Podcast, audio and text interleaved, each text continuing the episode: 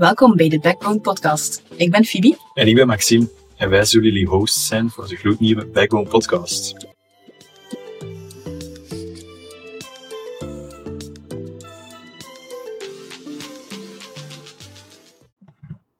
Welkom bij de Backbone Podcast. Ik ben Phoebe. En ik ben Maxime. En wij zijn nog steeds jullie host voor de podcast. Vandaag hebben we het geluk om Tara Koeklies bij ons te mogen ontvangen. Kuklies, sorry, daar begint het al. Naam juist uitspreken. Aangenaam, we zijn zeer blij om je te hebben bij onze podcast. Ja, ja ik ga je misschien kort even voorstellen en dan geef ik het woord aan jou. En dan kan je er nog wat dieper op ingaan. Ja. Um, Tara is nog niet super lang afgestudeerd, maar zij heeft uh, studies arbeids- en organisatiepsychologie gedaan. Klopt. Dat klopt. Oké. Okay. En je deed jouw stage bij SmartMind. Ja. SmartMind is het bedrijf van? Ellen Schoepen. Ellen Schoepen. Ja. Anders zou ik zeggen, mag je meteen ook al zeggen, wie is Ellen Schoepen? Ja. Ellen Schoepen. Ellen Schoepen is uh, voor mij begonnen als mijn stagementor. Um, zij is uh, ook afgestudeerd arbeids- en organisatiepsychologe. Um, werkt nu als uh, topsportpsychologe en businesscoach um, met SmartMind. Dus SmartMind is een bedrijf dat 50% in de business zit, 50% in de topsport ongeveer. Um, waar dat wij individuen en teams um, coachen naar betere prestaties op basis van attitudecoaching. Oké. Okay. Maar inderdaad, jullie parcours is redelijk impressionant als ik het zo eens bekeken heb. Jij geeft ook advies aan, wacht, ik heb de clubs opgeschreven. Uh, Oud-Heverlee Leuven, de Yellow Flames en Hockeyclub Wellington. Dat ja. zijn toch wel... Uh, ja, klopt. klopt. impressionant. Uh...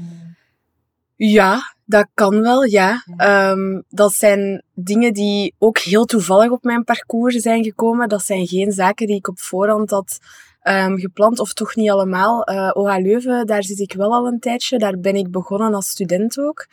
Okay. Um, als speler of als coach? Als coach. Okay. Um, ik wist eigenlijk al best vroeg dat ik in de topsport wou terechtkomen. Um, ik weet ook dat dat een redelijk gesloten wereld is, zeker als je geen topsporter zelf bent of bent geweest. Wat ik dus niet was, voor alle duidelijkheid. Dat is helemaal Um, en ik wist dan van oké, we gaan, ik ga daar iets moeten forceren um, om, om daar binnen te komen. Ellen heeft, um, heeft een, een carrière als topsporter uh, erop zitten, dus die heeft gebasket op nationaal niveau, waardoor dat zij op die manier heel veel connecties had in de wereld. maar is ook toch naar afstuderen, eerst tien jaar eigenlijk in de, ja, in de human resources moeten gaan werken, omdat op dat moment de federaties niet open stonden voor een psychologe, want atleten die, die waren niet gek, hadden geen nood aan psychologen. Was die mindset nog niet helemaal anders. Nu, nee, helemaal anders. Er was echt ook geen openheid om daar zelfs maar over na te denken. Um, dat waren allemaal mensen die daar ja, geen nood aan hadden. Um, waar als ze dan ja, redelijk geleidelijk toch de evolutie heeft gemaakt naar toch meer en meer um, in de sport. Voor mij was dat een beetje anders. Ik heb vroeger zelf gevoetbald. Um, ik heb dan een um, blessure gehad waardoor ik niet meer verder kon spelen. en dan ben ik een coachopleiding gestart, omdat ik dacht, ik wil een manier vinden om in die sport te komen. Zo ben ik dan als coach begonnen bij OH Leuven. Um, en dan op, het, op een bepaald moment gevoeld van, er wordt opeens hier heel veel geïnvesteerd in um, staf, in het bouwen van een goede omkadering rond die spelers. En dan eigenlijk gezegd van, moesten jullie nog iemand zoeken, wil ik dat heel graag doen.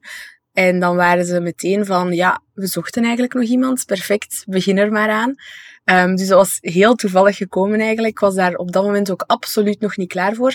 Heel veel gaan opzoeken, extra ingelezen en op die manier ook in contact gekomen met Ellen. Um, en zo is dat verhaal dan van start gegaan. Dus, uh, ook samen met de overname door Leicester City. Ja, ja, exact, exact. Vanaf dat King Power er is bijgekomen, zijn daar heel veel investeringen ja. gebeurd, waar als ze echt zijn gaan kijken naar hoe kunnen we hier een omkadering creëren die, ja, die jongens laat, laat toelaat om Allee, om topatleten te worden. Hè. Ja, ja, ja, ja okay. exact. exact. Okay, mooi. Mm -hmm. Ja, dat is een wereld die mij heel erg interesseert. Ja. Dus, uh... nee, doe maar, doe maar, Maxime. Nee? Ja, ik laat de vraag aan, uh, aan jou, Phoebe. Ja, nee, en dus de dag van vandaag doe je de coachings van die clubs. Wat kunnen we, daar, of wat, wat kunnen we ons daarbij voorstellen? Wat houdt dat precies in? Um, dat is heel erg afhankelijk. Um, wat wij doen is... Um, eigenlijk individuen um, begeleiden. Dus dat is zowel individuele uh, begeleiding die we daarvoor voorzien, als ook voor de teams zelf. Um, en bij OA Leuven bijvoorbeeld zit daar dan ook nog een stukje um, ja, stafontwikkeling bij, waar dat we ook uh, staf leren om hoe ga je beter om uh, met spelers op basis van bepaalde zaken. Omdat we toch ook wel zien dat die visie is ook heel belangrijk. Een coach zijn is meer dan alleen maar het technische, tactische. Dat is ook het stukje people management, die jongens leren kennen, die meisjes leren kennen. Um, en daar ook ja, voor iedereen kijken wat is de beste manier om, om, om die persoon te begeleiden naar topprestaties. Dus dat doen wij ook wel. Okay, en merk je verandering met de tijd dat daar... Ook de manier waarop je coach verandert, waarschijnlijk, daar ga ik vanuit. Maar ook de, de manier of, of, of de mindset van de spelers, is, is dat ook veranderd over de tijd? Ja, absoluut. Um, ik denk, ik kan moeilijk spreken over vroeger, maar als ik gewoon kijk naar nu, denk ik dat, dat de topsporters van vandaag hebben veel meer nood aan die persoonlijke aanpak. Daar zitten nog wel individuele verschillen, maar die willen ook wel dat een coach hen leert kennen, dat hij weet van, deze persoon ben ik thuis, dit ligt er nog allemaal op mijn bordje. Ik heb bijvoorbeeld studies die ik hiermee nog combineer, of ik heb een job. Dit is waarmee ik ook nog bezig ben, dit is mijn parcours geweest. Je voelt wel dat er veel meer een aanpak nodig is um, van dat holistisch aan te pakken, die sporters te leren kennen.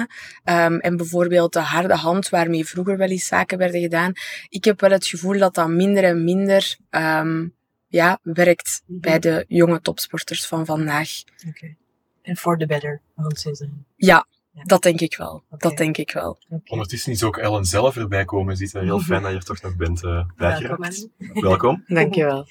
Ja, ik zou zeggen, je mag jezelf nog eventjes voorstellen, maar ik denk dat Tara dat eigenlijk al... Ik heb al een introductie gedaan. Dat zal ik het kort houden. Okay. Uh, ik heb ondertussen 20 jaar ervaring, uh, waarvan 10 in de businesswereld als HR-specialist en later HR-manager. En ondertussen ook meer dan 10 jaar ervaring als topsportpsychologe. Dus ik werk samen met nationale teams, of heb met nationale teams samengewerkt. En begeleid ook bepaalde atleten van Team Belgium naar de volgende Olympische Spelen toe. Oké. Okay. Jullie hebben ook samen een, een, boek gemaakt, De Ultieme Overwinning. Ja, ja, dat klopt. Vertel daar eens wat meer over, alsjeblieft. Wel, kijk, uh, het was uh, zo voorzien dat ik naar de Olympische Spelen zou gaan in 2020. Uh, Tara liep toen stage bij mij. We hadden toen reeds een goede samenwerking opgezet. Maar wij horen dan in maart 2020 dat de Olympische Spelen niet doorgaan. Uh, maar niet getreurd, hè. wij zijn nee. onmiddellijk met een volgende project van start gegaan. Uh, wij hebben de topsporters eigenlijk al een, uh, allee, ons netwerk aangesproken, ja. een veertigtal toppresteerders uitgenodigd voor een gesprek met ons. Uh, want wij wouden een boek schrijven, ja. maar dat zeer praktisch is. Hè? Dus niet enkel theorieën gaan aanbieden aan de lezer, maar evenals ja, getuigenissen uit de praktijk. En wie beter dan onze eigen Belgische topsporters om attitude, training mm -hmm. en coaching mm -hmm. op de map te zetten uiteindelijk. Hè? Ja, ja, absoluut. Ja. absoluut. Dus voilà, wij hebben ons enorm vermaakt met het interviewen van deze 40 toppers. Uh, en daar hebben wij een samenvatting van gemaakt waar wij spreken over de theorieën, wat je in de boeken kan vinden, wat je in de wetenschap te weten komt over ja, topprestaties. Ja, maar daarnaast hebben we dat dan gecombineerd met onze eigen ervaringen en de ervaringen van de topsporters. Ja. En dat hebben we samengevat in het boek De Ultieme Overwinning, waarin we eigenlijk de zeven attitudes die leiden tot topprestaties hebben benoemd, uh, maar ook beschreven en ook handige tools hebben ingegeven van hoe kan je die zeven attitudes nu ook zelf ontwikkelen. Ja in, ja, voor, voor je eigen leven, maar ook uh, in, voor de belangrijke anderen ja. die jou omgeven. Zijn, wie zijn zo de vijf bekendste sporters die je hebt geïnterviewd, als we dat mogen vragen? Want ik denk dat de studenten dat ook wel interessant vinden, dat ze zo een, zich een beeld kunnen vormen bij wie hebben ze nu allemaal geïnterviewd, in welke sporttak zitten die? Ja, wel, ja, voor mij is uh, een hele bekende Emma Meesman. Ja. Uh, zij is een topbasketbalster. Uh, zij wordt in de wereld ook erkend bij de drie beste basketballers ja. ter wereld. Uh, dus dat is er eentje voor mij. Aan wie ja. denk jij dan?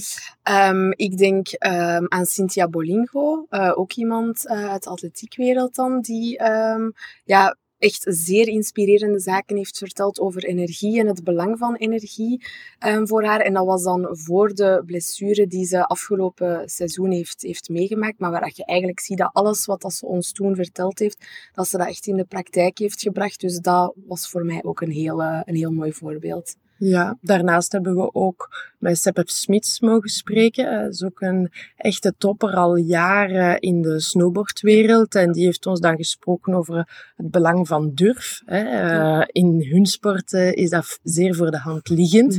uh, dus het vraagt je veel meer durf om je 12 meter de lucht in te projecteren dan op doel te trappen. Hè. Ja, klopt. voilà, dus die man hebben we ook ja. mogen aanhoren. En dan een ander iemand die het echt gemaakt heeft, ook na haar topsportcarrière, is Elodie. exact, Elodie.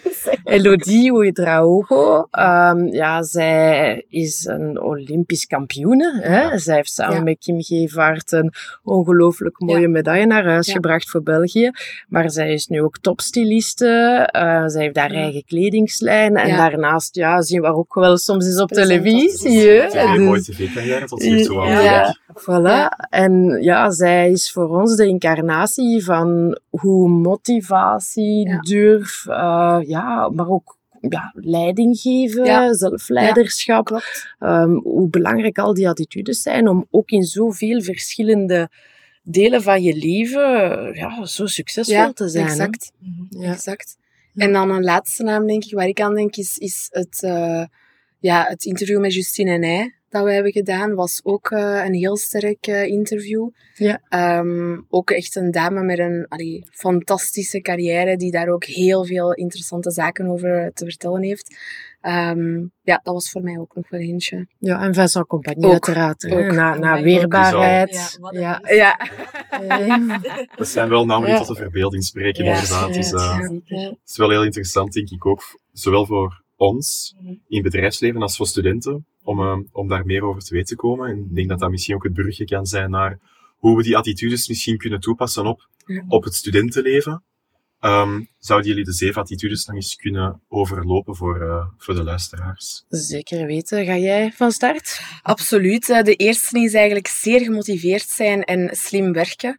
Um, gemotiveerd zijn, ja, dat is een, een motivatie en hard werken dat uit jezelf komt, wat heel erg belangrijk is. Hè. Zeker als student bijvoorbeeld.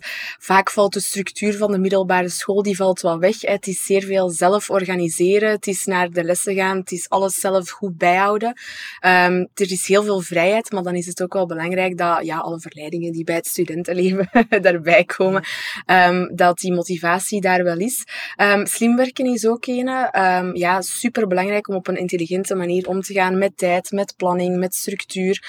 dat is ja, zowel in topsport als in het bedrijfsleven als een, een studentenleven, denk ik, enorm cruciaal. Ja, en ik ga daar direct op ja. inpikken door ook al mee te geven dat, dat die vorm van zelfleiderschap, ja, dan komen we meteen al bij de, twee attitude, de tweede attitude, welke leiderschap is. Je kan maar een goede leider zijn voor anderen als je eerst een goede leider bent voor jezelf. Mm -hmm. Dus hoe belangrijk is zelfkennis niet als je gaat studeren? Mm -hmm. hè? Als je weet van oké, okay, waarom ga ik studeren, wat ik studeer, ja. um, en, en ja, wat zijn mijn sterkten, wat zijn ook de vakken waar dat ik weet dat ik een tandje gaan moeten bijsteken. Ja, al die zaken zijn enorm belangrijk, ook in relatie met motivatie. Als je weet dat je voor bepaalde vakken minder aanleg hebt, ja, dan ga je dubbel zoveel motivatie nodig hebben en, eh, en slim werk nodig hebben om eigenlijk te kunnen presteren in die vakken.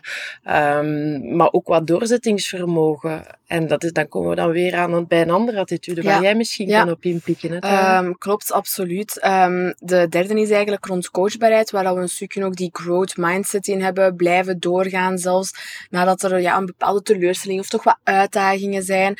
Um, ook zeer hard op zoek gaan naar, naar feedback of naar input om daar beter van te worden. Ik denk dat er altijd wel zeer veel hulpmiddelen aanwezig zijn, maar dat het toch vaak ja, aan studenten zelf is om daar ook effectief naar op zoek te gaan, um, naar die hulpmiddelen. Dus daar ook echt voor openstaan. Zelf die stap te nemen, hè? Ja. ja. ja. welke hulpmiddelen denk je dan meteen van misschien van dat kan helpen? Ja, ik denk dat er, dat er vaak vanuit universiteit wordt er heel veel georganiseerd. Ehm, ik denk aan studiebegeleidingen, sessies waar, het, waar over studeren gaat, sessies over bepaalde vakken. Ehm, maar het is daar ook effectief naar op zoek gaan. Hè, studiemomenten die daar um, in groepjes worden georganiseerd. maar dan echt ook openstaan voor die feedback.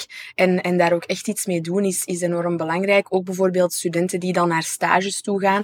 Stage is denk ik zo'n moment waar je heel veel input krijgt, heel veel feedback dagelijks. En dat dan ook effectief gaan toepassen, maar daar ook kritisch over blijven nadenken. Het niet zomaar allemaal gaan overnemen. Echt denken, hoe kan ik wat dat ik hier hoor, hoe kan ik mij dat eigen maken, hoe kan ik ervoor zorgen um, ja, dat dat iets wordt dat ik niet gewoon klakkeloos ga doen, maar dat ik denk op een efficiënte manier die authentiek blijft, want dat is ook heel erg belangrijk vandaag de dag, um, dat ook gaan toepassen en blijven groeien.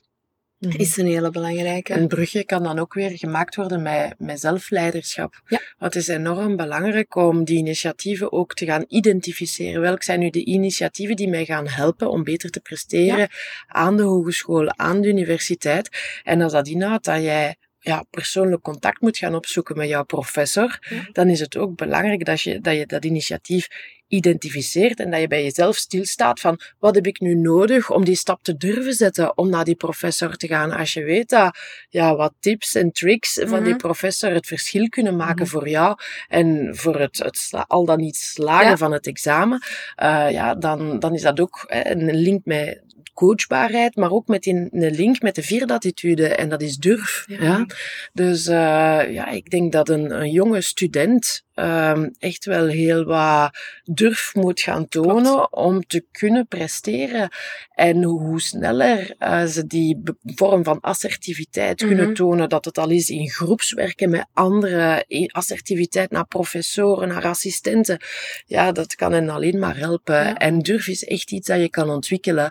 Je, moet, je hoeft niet meteen na te denken over, ah, ik ga morgen naar de professor toestappen. Nee, je kan ook durf gaan bekijken als iets dat die evolueert en wat zijn de verschillende stapjes die ik nodig heb om in die end tot bij die professor te gaan geraken. Je hier begint met een medestudent, daarna voilà. een assistent en dan ga je voilà. de hebben. Of eerst een mailtje bijvoorbeeld en dan ja. na de les vragen. En na twee jaar studie zal je misschien voor een volle aula van 500 personen je hand durven opsteken. Ja, absoluut. En dat is waar dat we echt naartoe willen. En daarom dat wij ook overtuigd zijn dat onze attitudes die we geïdentificeerd hebben, die zijn door iedereen ontwikkelbaar. Van jong kind tot ja, zelf misschien de man met, of de vrouw met pensioen. Ja, absoluut. En om ook nog op die durf in te pikken, ik denk ook meer en meer um, dat de klassieke carrières of de klassieke paden die worden genomen na het afstuderen, we hebben het daar straks er al een klein beetje over gehad, um, dat ook daar durf om verder te kijken dan wat dat er klassiek voor u mhm. ligt, dan te kijken naar bepaalde grote spelers, maar echt te gaan zoeken, wat past nu bij mij, in welk type bedrijf zie ik mij nu werken, welk type functie past nu echt bij mij, en daar ook durf in het out of the box denken en een keer in het ondiepe, onbekende misschien um, springen en echt ook daar uit de comfortzone gaan, uh, volgens mij is wel ja, een belangrijke Onlangs sprak ik nog met iemand die al tien jaar hetzelfde doet.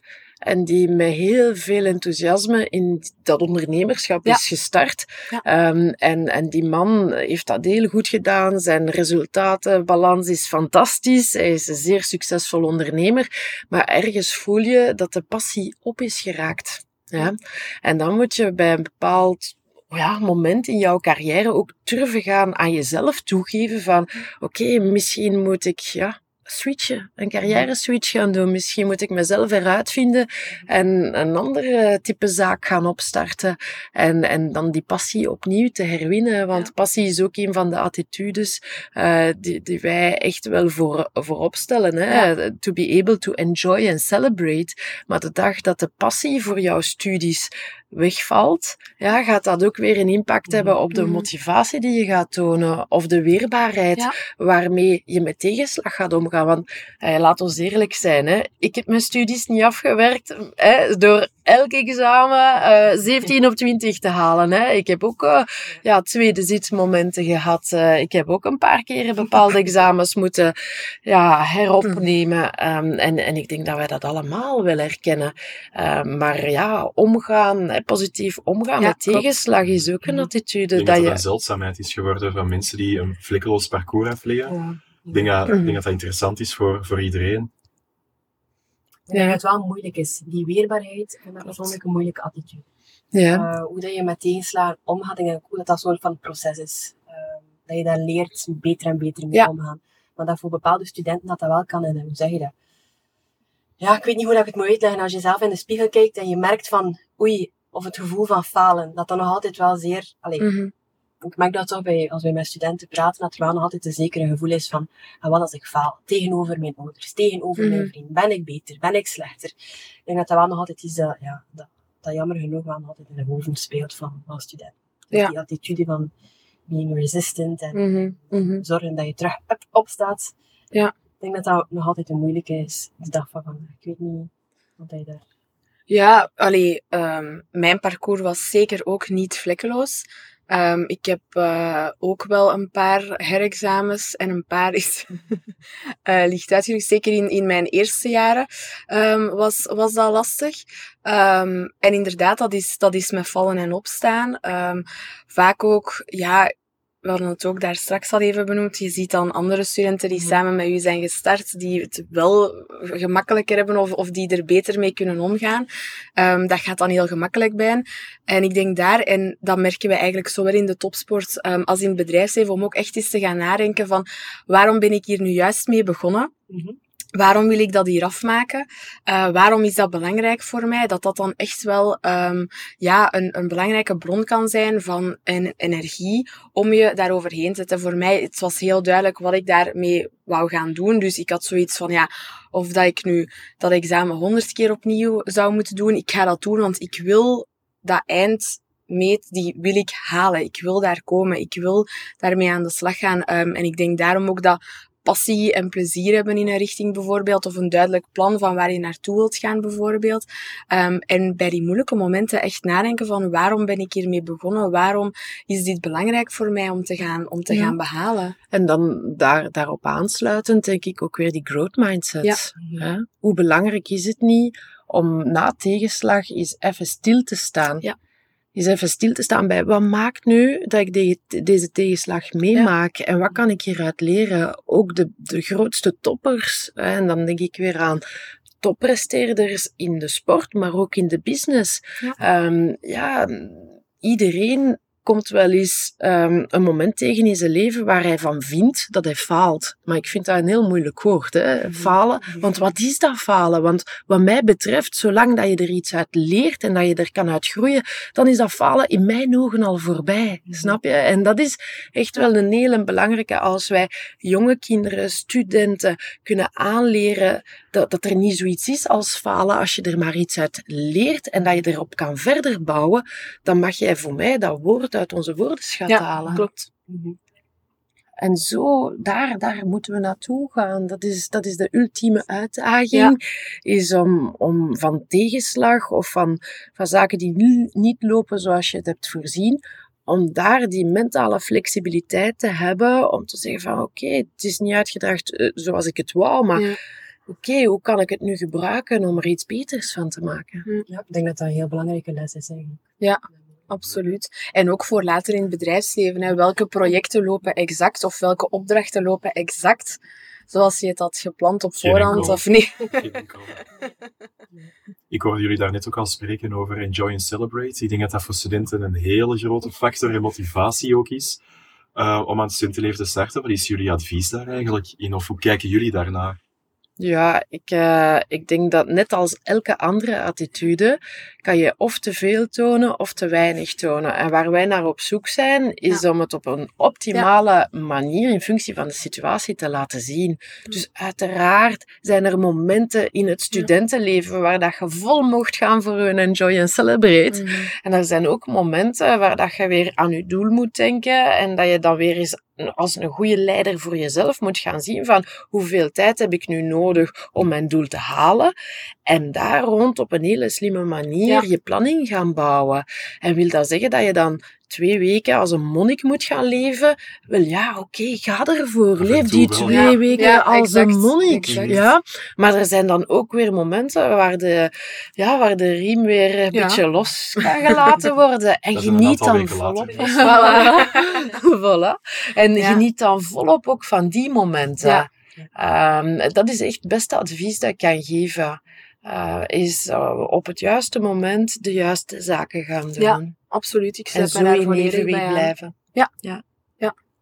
Oké. Okay. Ik denk dat we nog niet helemaal aan zeven zitten. Nee, ja, energie nog. Ja, energie. Mm -hmm. Daar moeten we echt nog over spreken. Ja. Want ik denk voor, voor elke student is het enorm belangrijk om in balans te kunnen blijven ja. op vlak van energieniveaus. Want als jij voelt dat jij fysiek moe wordt omdat je zoveel nachtjes aan het doordoen bent voor een examen, ja, dan gaat jouw emotiecontrole ook niet meer zijn nee. wat je eigenlijk zou wensen. En dan ga je misschien op bepaalde feedback die je gaat krijgen, ja. verkeerd gaan reageren, omdat je ja, gewoon uitgeput bent. Hè? Dus, dus je kent de mental breakdown bij studenten. Absoluut, ja. absoluut. Het even helemaal niet meer zien zitten, omdat je met slaaptekort zit, of omdat je al een paar weken niet meer je voedt zoals je je zou moeten voeden. Hè? Je, loopt, je hebt zo weinig tijd, dus je loopt gewoon naar het pitakot, om het zo te zeggen. uh, en, en je voedt je niet meer met de, de juiste vitamine, maar ook jouw brein heeft vitamine nodig om te kunnen functioneren zoals het hoort. En jouw brein heeft ook rust en slaap nodig om te kunnen focussen en al die leerstof al die leerstof in ja, te nemen. Absoluut. Dus, uh, dus energie is een hele belangrijke. Ja. En nu heb je ons alleen maar over, over fysieke energie ja. horen spreken, maar er zijn ook andere belangrijke vormen van energie waar je als student waakzaam moet over zijn. En een van die bronnen van energie is ook het relationele. Hè? Als jij weet dat het voor jou belangrijk is, en dan zijn we weer bij zelfkennis. Als je weet dat het voor jou makkelijker is om te studeren in het bijzijn van iemand, ja, vind dan de juiste persoon ja. met wie je kan studeren. En dat hoeft daarvoor niet te zijn dat jullie een hele dag met elkaar moeten praten. Maar voor sommige extraverte mensen is het idee alleen maar en het te kunnen visualiseren dat er iemand in diezelfde ruimte zit en even hard aan het afzien is als jij, ja, al een geruststelling. En dat kan gewoon al energie geven om dan ja. te zeggen, hey, zullen we om 12 uur 30 dan samen even stoppen, om dan samen ja. even gezond te eten over de middag. En alleen dat al kan jou, ja, jouw energiepeil terug op het juiste niveau brengen. Maar is het niet moeilijk, denk je, voor studenten, bijvoorbeeld beginnende studenten, om al meteen te gaan definiëren wat zijn mijn energievreters en wat zijn mijn energiegevers? Ja. Een nieuwe context, nieuwe mensen, um, om, die, om die balans te gaan, te gaan vinden. Ja, maar als je er voldoende bij stilstaat, hè, mm. dan ga je heel snel weten, als je met groepstaken bezig bent, van de aanwezigheid van anderen geeft mij dat energie of mm -hmm. kost mij dat energie. Mm -hmm. Ja, en dat kan je wel al een heel van... andere context misschien in groepstaken. Ja, absoluut. Ja, absoluut. Ja. Dus terug die ervaring eigenlijk gaat het aantonen wat is het voor mij een energiegever en ja. wat is een energievreter. Is gewoon ja. het uitproberen. Het uitproberen, zien wat het geeft. Ik herinner mij dat als ik destijds zei tegen mijn ouders, mama, alleen studeren, dat lukt niet mag mijn vriendin hè, samen met mij komen studeren, dan dacht zij, ah nee, hè, dat gaat helemaal niet lukken, je gaat helemaal niet gefocust zijn. En ja, oké, okay, dan heb ik toch die durf moeten tonen en die assertiviteit om te blijven zeggen van, ja, maar dat is wat ik nodig heb, vertrouw me nu maar, het komt wel goed. Um, en ik weet dat ik alleen waarschijnlijk niet de prestaties zou neergezet hebben dan met z'n tweeën. Maar opnieuw, dat is niet omdat dat werkt voor mij, dat dat gaat werken voor Tara of voor de luisteraar. Hè. Het is enorm belangrijk, zoals jij zegt, om ervaring op te doen. En dan mm. te gaan zien. En misschien gaat het lukken met één medestudent, maar lukt het totaal niet met een andere medestudent, omdat jullie een volledig ander ja. slaapritme, bioritme hebben. Uh, en die, dat moet ook een beetje op elkaar afgestemd ja. zijn. Uh, en voor één vak ga je misschien graag studeren met deze persoon, en voor een ander vak ga je misschien de aanwezigheid van iemand ja. anders gaan opzoeken, of het liever alleen gaan doen. Maar dan zit je wel bij, weer bij die zelfkennis die je opdoet dankzij ervaringen. Uitproberen. Mm -hmm.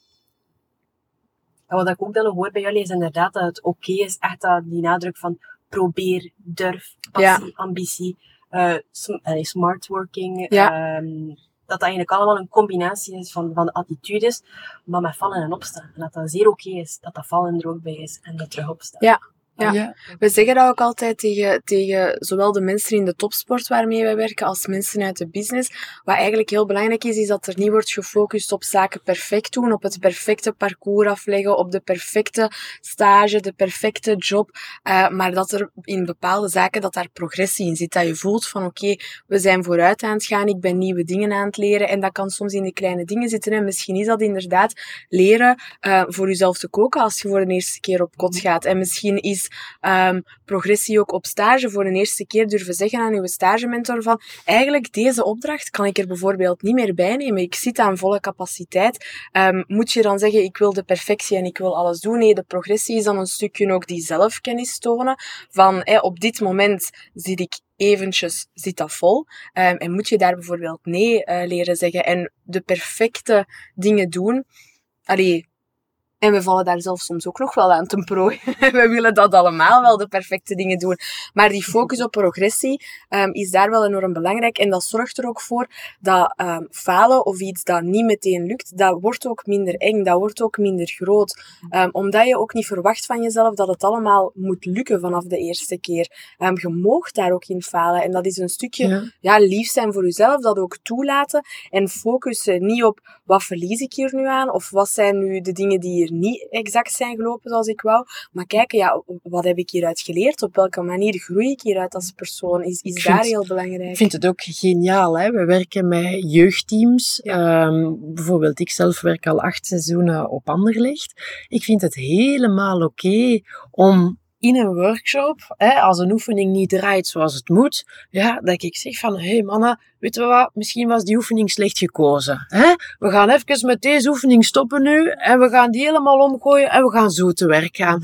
Wel, ja, zij zien ook graag dat jij toegeeft van, ja, misschien was dat niet het beste plan. Hè? Vinden jullie het oké okay dat we het plan switchen? En dat je laat zien dat jij zelf ook niet perfect bent. Ja.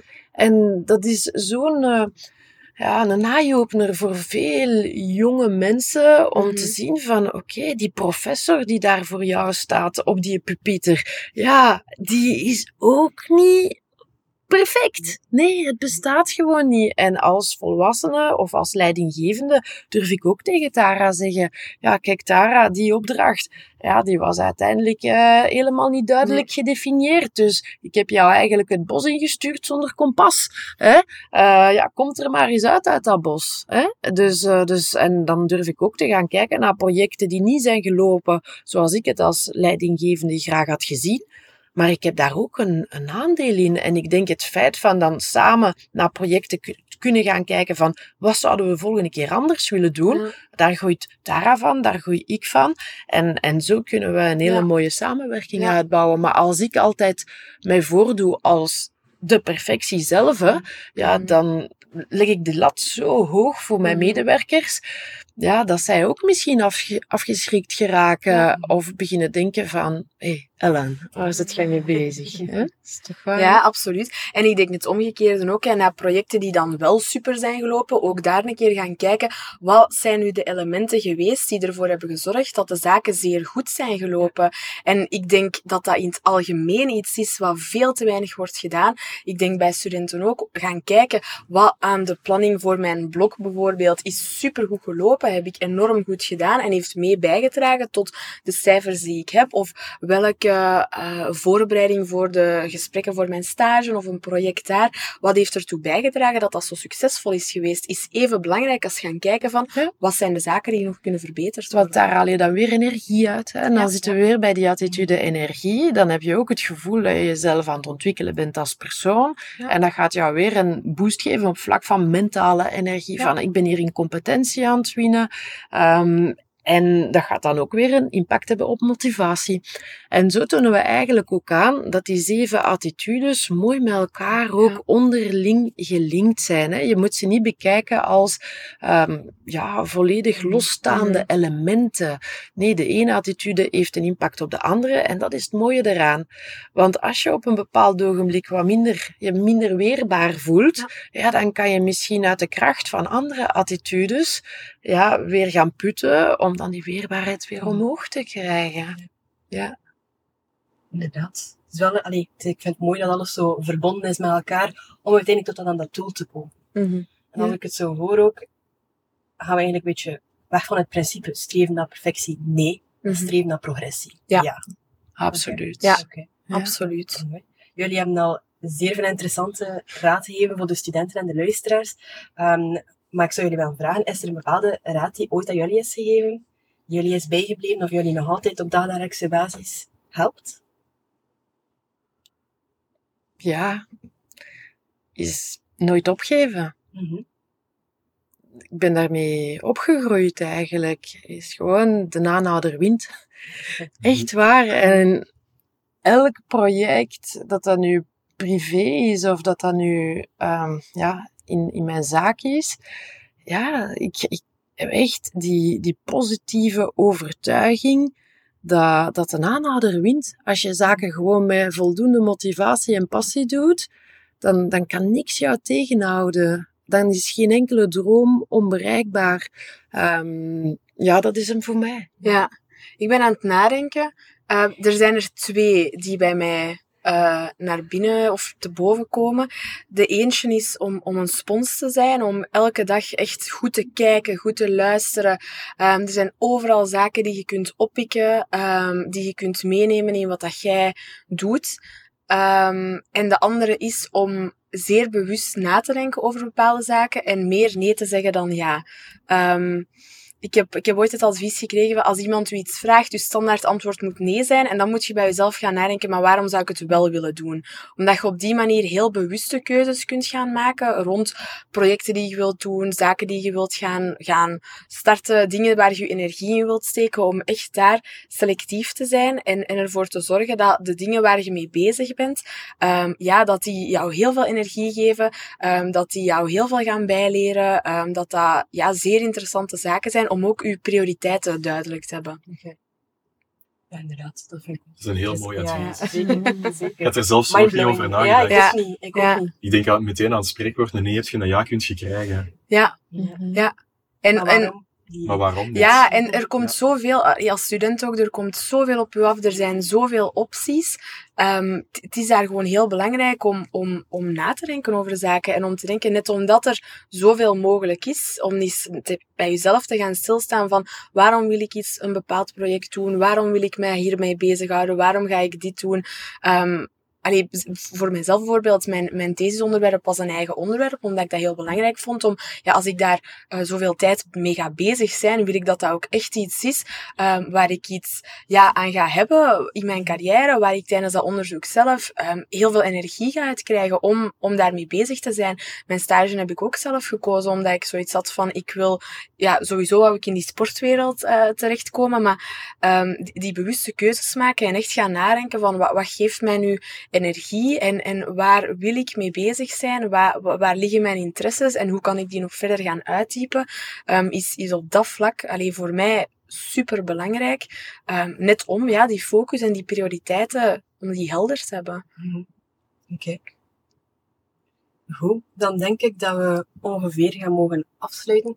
Dan rest er mij enkel om jullie super hard te bedanken voor deze super, ja, echt interessante. Ja, ik heb weer al Ja, inzichten ik- gekregen. eh, Ik ga Ik dus niet al meteen aan mee aan de slag gaan. eh. Nee, het was ook een super fijn gesprek. Nogmaals bedankt eh, om aanwezig te zijn. Ehm, en ja, Ja, tot de volgende tot keer. volgende keer. Ja. Dank u wel voor Graag gedaan. Ja. Heel graag gedaan.